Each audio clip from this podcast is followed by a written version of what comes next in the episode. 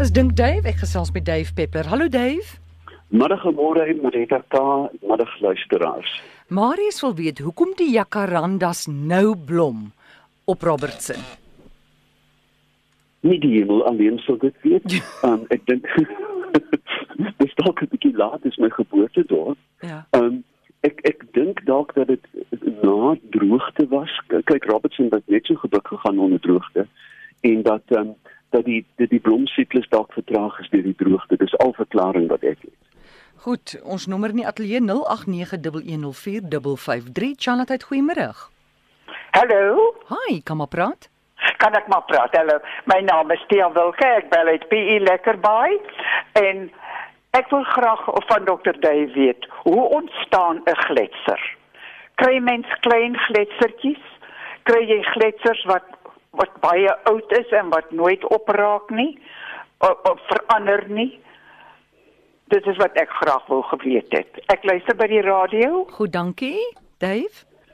Ja, kyk, 'n gletser um, het 'n minimum temperatuur, gemiddelde temperatuur uh, deur die jaar nodig. Met ander woorde, mens kry dit beide 40 grade noord en 40 grade suid van die ewenaar. Daar begin gletsers gewoonlik. Alhoewel daar wel gletsers was tot 30 jaar gelede in uh, die Grand Tetons net suid van Yellowstone National Park. Nou, gletsers begin uh, as sneeu wat gekompakteer word.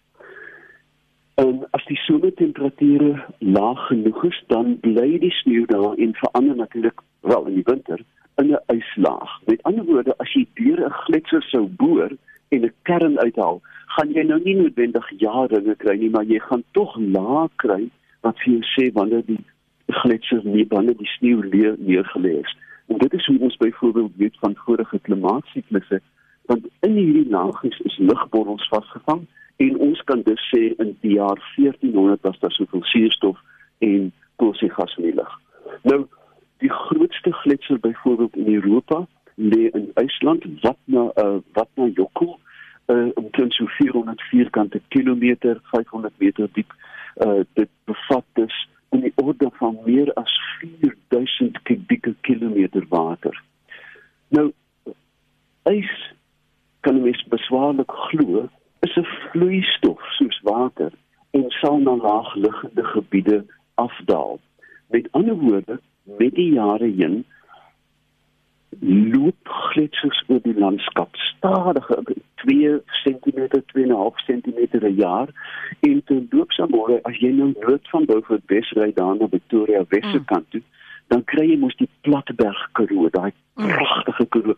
Nou die hellings van die berge is almal bepaal deur gletsers in in vorige ystydperke. So die hele Karoo is eintlik deur gletsers gevorm in in ystydperke.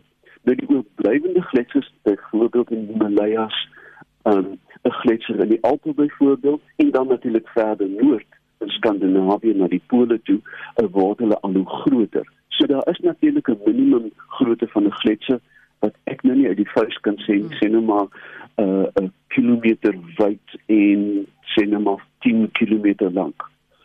En dan gly hulle net af teen die helling met tyd en speur natuurlik 'n klomp klippe saam en aan die uitloop van die van die gletser kry jy dan wat bekend staan as 'n morene. So, gletsers uh, beweeg heeltyd.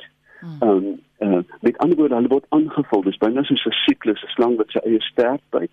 Maar nou natuurlik met klimaatsverandering is die terugvreet van die van die gletser nie sy beweging nie, maar die terugvreet aan aan sy aan sy sal ek nou sê aan sy afgooi kant baie vinniger. En ons weet dit um, uit IJsland waar wat na Jokkel nou etlike kilometers al teruggetrek het.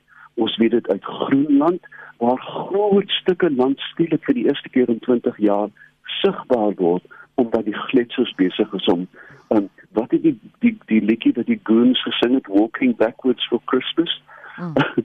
um, is hulle besig om terug te trek en dit is natuurlik baie gevaarlik in terme van die water wat in hulle opgesluit is wat nou in die see beland en seevlakke gaan dan styg. So die kleinste gletsertjie sou ek dink was in die Grand Tetons 'n paar kilometer lank. Um en nie baie dik nie, maar die grootes is werklik magtig. Uh suide van Amerika, daar by Puerto Montt rond uh jy weet is hulle jy honderde meters diep, jy weet en as hulle afkalf, dis die woord, hulle kalf af, dan veroorsaak hulle mini tsunamies in die see.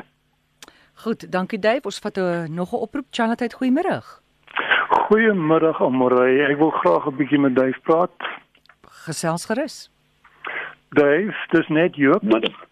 Ek wil graag by jou weet wat veroorsaak die knal as 'n vliegtyg deur die klankgrens breek. Ek luister vir die Ja, radio. dit is het, ja, dit is 'n 'n baie tegniese. Die die spoed van klank varieer van seevlak uh, met hoogte. Hoe hoër jy gaan, hoe laer word die uh, die spoed van klank. Kom ons stel voor dat 'n vliegtuig beweeg na aan die spoed van van klank uh, op seevlak. 'n uh, uh, uh, strale trek oor, oor Tafelbaai. Net voor die spoed van klank word die ophoping van die lug, die skokgolwe van die neus van die vliegtuig so dig dat dit vliegtuig letterlik 'n um, ordes van krag moet hê om deur dit te breek. Die knalgeluid is dan die beweging van die van die skokgolf voor die vliegtuig na die agterkant van die vliegtuig. En dit is dan dit is dan 'n fisiese ontwrigting van die lug wat hierdie knal veroorsaak. Dit sak na die grond toe in 'n kegelvorm of halwe kegelvorm en dit was natuurlik die beperking van Concorde dat hulle nooit wou gehad het dat hy oor land moes vlieg uh, van die knal het vensters gebreek ensovoorts en hy kon slegs oor die see waar daar nou nie mense was nie of min mense dan uh, deur die klanke. So die die, die term in in in, in lugvaart kunde is compressibility net voor die spoed van klank begin die vliegtuig onstabiel raak as gevolg van hierdie kegelvormige skokgolwe wat van die neus af uitwy na agtertoe en dan moet hy letterlik deur hierdie kegel breek en die breek daarvan veroog veroorsaak dan die deurbeweeg 'n uh, 'n deurlopende knal wat op die grond gehoor word. Katrina wil weet of jy vir ons kan sê wat in die kop of die hart van 'n boelie aangaan. Weet jy Amore, ek het al baie daaraan gedink. Um boelies, jy weet ek dink wonder gesondheids of boelies gebore word. Jy weet daar is ek, as jy op skool was altyd 'n boelie wat die lewe vir jou ondraaglik gemaak het.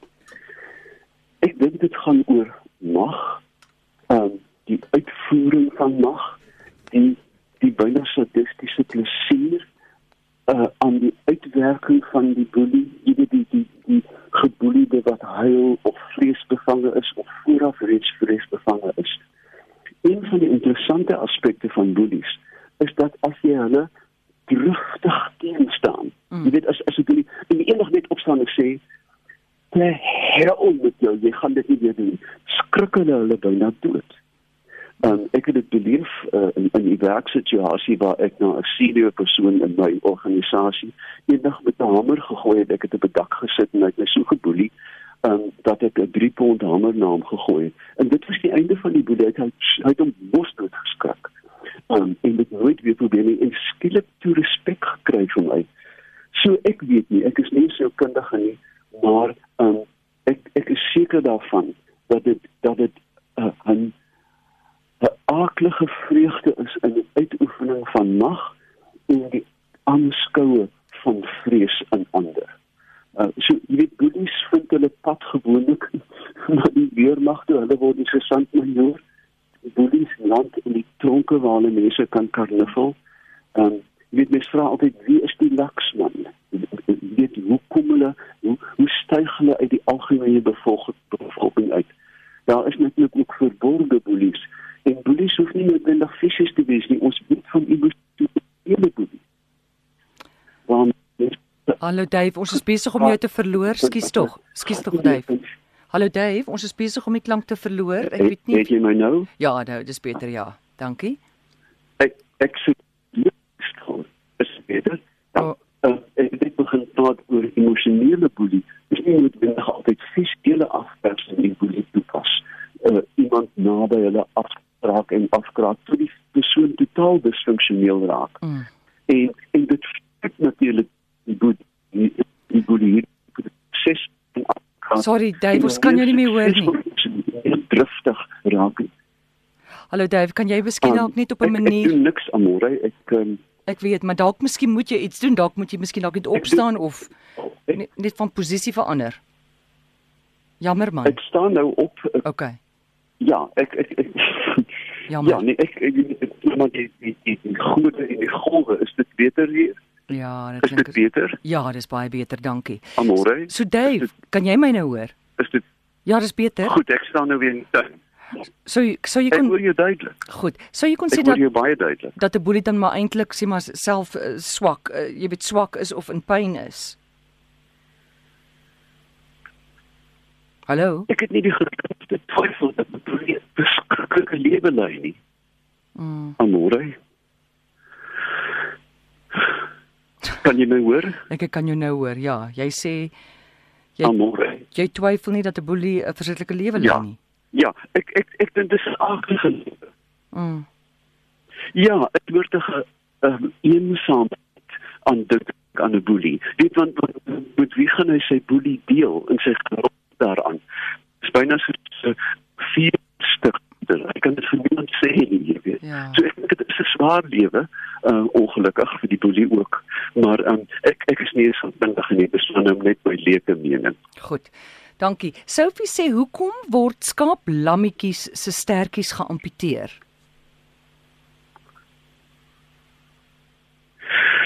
Uh, ja, dit is natuurlik skaap. Dit is veral by wolskape as ek dit reg het waar die stertjies geamputeer word om uh, te verhoed dat dat daar infeksies van brommers en vee ehm um, saampak. Want om die anus is dit dan klam soos 'n mens weet ehm um, en ehm um, en en vogtig en dit is juis 'n plek waar parasiete dan kan saamdrom ook byvoorbeeld in ehm ehm bosluise en ander parasiete. So ek dink dit is 'n higiëniese oorweging. Ehm um, en uh dit is nie noodwendig baie vriendelik nie. Nou wonder die volgende vraag gewees wat van 'n vetstert skaap moet sy wees 'n stert? Mm. En die antwoord daar is ek weet nie. Goed. Ja, en daar's niks so lekker soos 'n skaapstertjie nie.